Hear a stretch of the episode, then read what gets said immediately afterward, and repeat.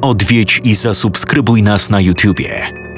Bądź na bieżąco z nowymi filmami i słuchaj jeszcze więcej mrocznych historii. Mystery TV Więcej niż strach.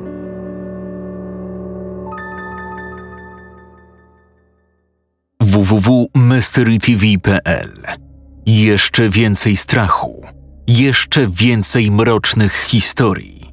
Upiorne święta. Zbiór siedmiu opowiadań od siedmiu autorów Mystery TV w świątecznym klimacie. Ponad pięć godzin słuchania, a także nowość. Przeklęte karty. Premiera nowego audiobooka. 6 godzin 25 minut słuchania. Matthew Shelton jest spełnionym człowiekiem. Ma dużo pieniędzy, które zarobił jako telewizyjny wróżbita. Gdy tylko rozstaje się z programem, jego życie diametralnie się zmienia. Zaczynają dręczyć go koszmary. Nie potrafi dogadać się z własną żoną, a z czasem zaczynają ginąć ludzie z jego otoczenia.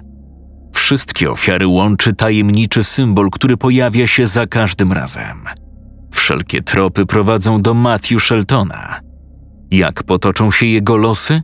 Kto stoi za tajemniczymi morderstwami? Dowiesz się słuchając najnowszego audiobooka Przeklęte karty. Do nabycia tylko na www.mysterytv.pl.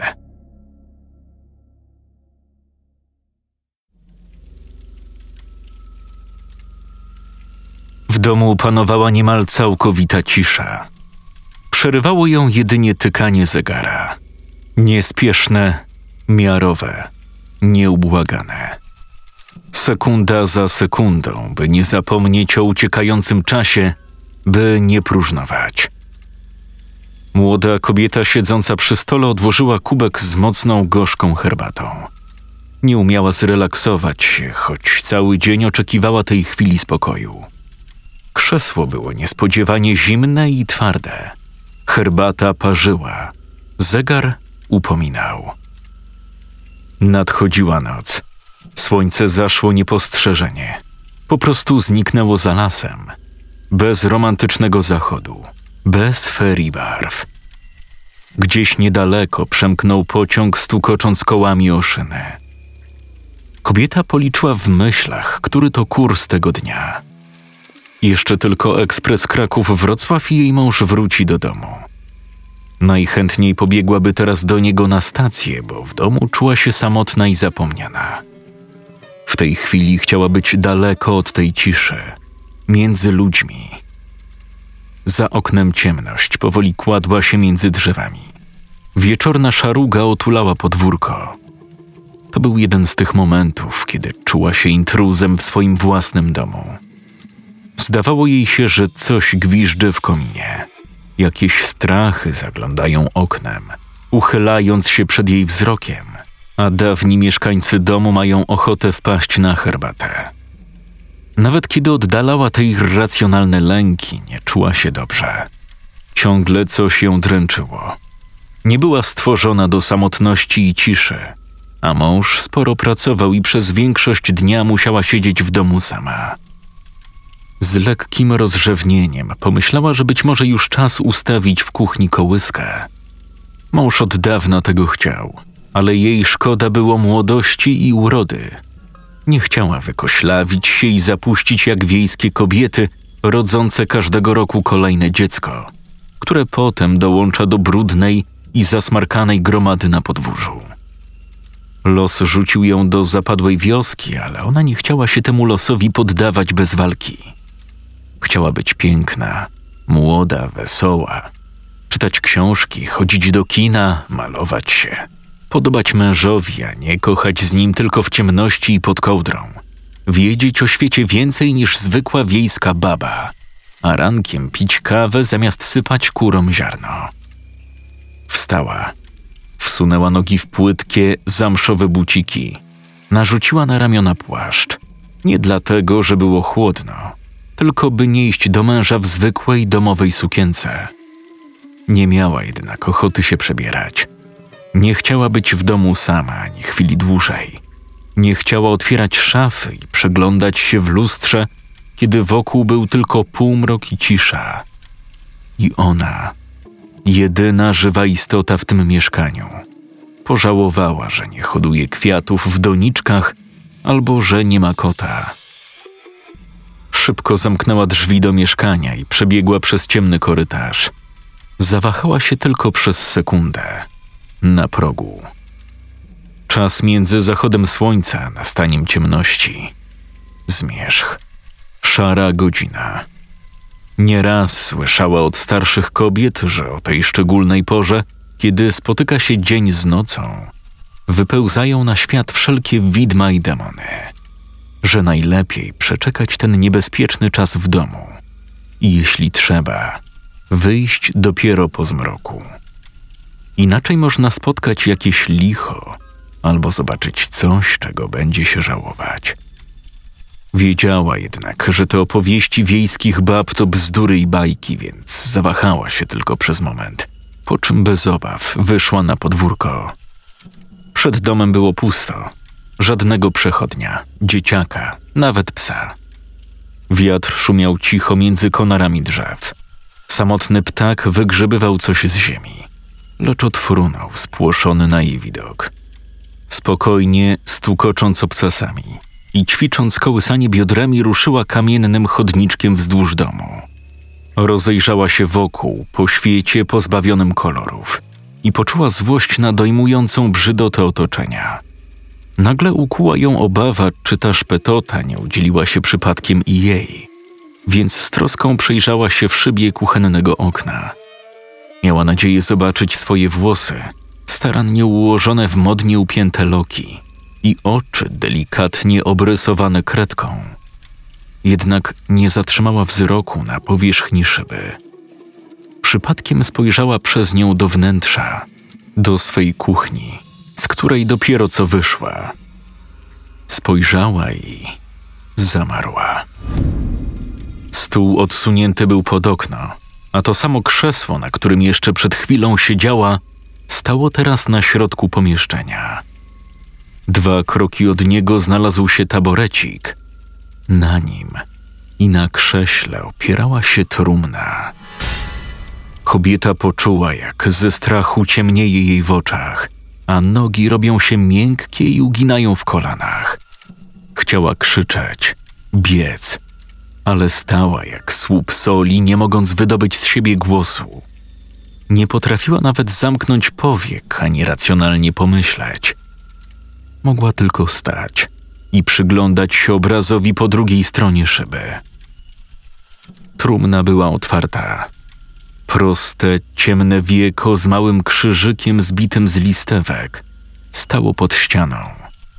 W trumnie ktoś leżał, ale kobieta nie mogła zauważyć twarzy ani sylwetki nieboszczyka, bo okrywało go białe prześcieradło. Mimo nierealności całej sytuacji pomyślała, że to dziwne. Tu na wsi widok trupa w trumnie nie był niczym niezwykłym, więc po co zasłaniać go prześcieradłem? Tylko raz spotkała się z czymś podobnym, kiedy dziecko sąsiadów wpadło pod jadący ciągnik, a koła zmiażdżyły jego czaszkę i pogruchotały wątłe ciałko tak, że nawet matka nie potrafiła go rozpoznać. U wezgłowia trumny ktoś oparł o ścianę kościelny krzyż noszony na procesjach pogrzebowych.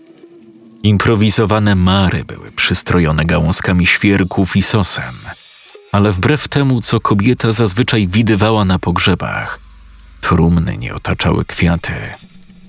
Obok leżało zaledwie kilka skromnych, powiędniętych wiązanek.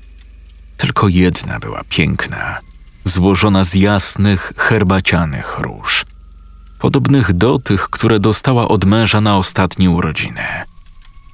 Pomyślała, że to niezwykle smutne.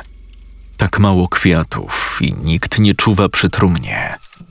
Jakby ten zmarły nie miał bliskich i przyjaciół. Kobiecie przemknęło przez głowę nieme pytanie: jak wiele kwiatów leżałoby przy jej trumnie? gdyby teraz umarła. Zastanawiała się także, czy to, co widzi, jest obrazem przeszłości czy przyszłości. Wiedziała, że domek, w którym mieszkała, jest stary I choć nie znała jego historii, zapewne nie jeden jego lokator umarł.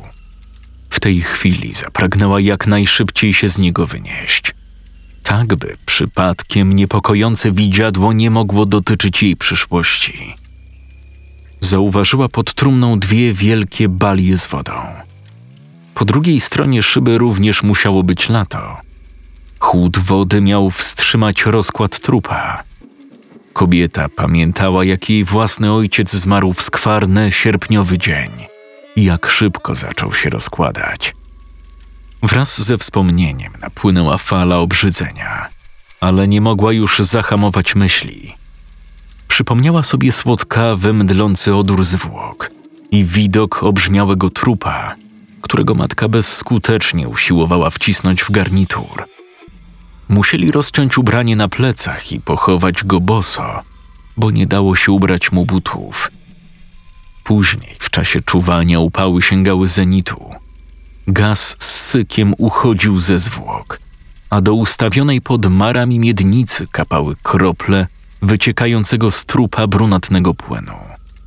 Ludzie zebrani na modłach udawali, że tego nie widzą, ale ona nie potrafiła udawać. Długo wyrzucała sobie, że brzydziła się własnego ojca. A po pogrzebie matka na wpół przytomna z rozpaczy i zmęczenia szła z miednicą dwa kilometry przez wieś i pole na nieużytki, by wylać tę trupią wodę w miejsce, gdzie nigdy nie chodzą ludzie i zwierzęta, ani nie rosną uprawy, gdzie nikomu nie będzie mogła zaszkodzić. Chory zwyczaj, pomyślała.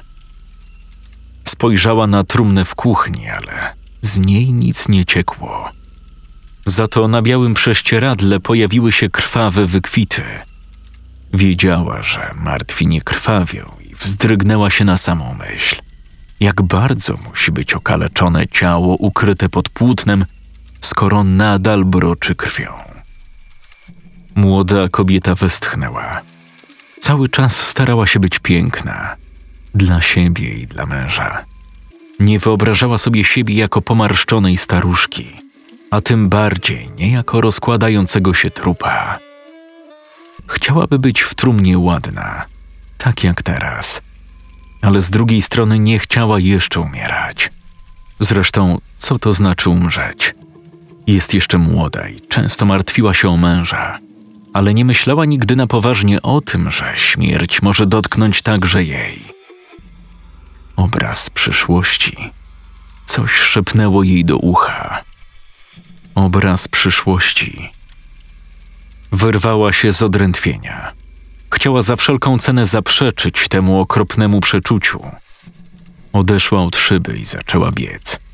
Biegła najszybciej jak potrafiła, byleby tylko być już przy mężu, przytulić się do niego, ciepłego, całego, zdrowego. Opowiedzieć mu o wszystkim i dostać obietnicę, że natychmiast wyniosą się z tego mieszkania, choćby następnego dnia. Nawet do zimnego socjalnego baraku na stacji, byleby to nie on leżał w tej trumnie w kuchni Biegła, potykając się na nierównej ścieżce przez niewielki brzozowy zagajnik. Zaczynało jej brakować tchu, ale nie zamierzała się zatrzymywać. Przysięgała sobie w myślach, że już nigdy nie wyjdzie z domu szarą godziną. Ale teraz najważniejsze, by zdążyć. Chciała mieć pewność, że gdy na stację wjedzie pociąg, jej mąż będzie bezpieczny w jej ramionach nie znajdzie się na torach, nie wpadnie pod skład, a ona nie będzie musiała kłaść go w trumnie przykrytego prześcieradłem. Jakiś straszliwy wewnętrzny głos kazał jej niepokoić się o niego i gnał ją naprzód, szepcząc obraz przyszłości. Nie wiedziała nawet kiedy przebiegła przez spowitą mgłą łąkę. Już blisko było na stację. Już widziała światła w oknach budynku i słyszała głosy ludzi oczekujących na pociąg. Jeszcze tylko przebiec przez tory, minąć stalowe nici szyn będzie bezpieczna. Z dala od niepokoju, ciemności, od zmierzchowego widziadła. Nie zauważyła nawet, że na mokrej od wieczornej rosy łące przemokły jej buciki.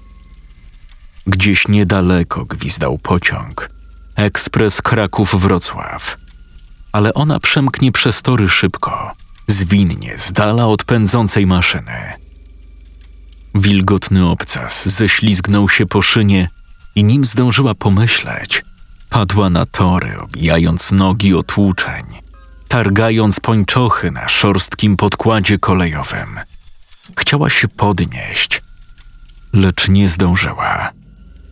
Nagle usłyszała przerażający gwizd tuż obok, ponad sobą. Oświetliły ją lampy pociągu, a potem nie było nawet bólu, tylko huk. Straszliwy huk rozpędzonego, wielotonowego składu i strach.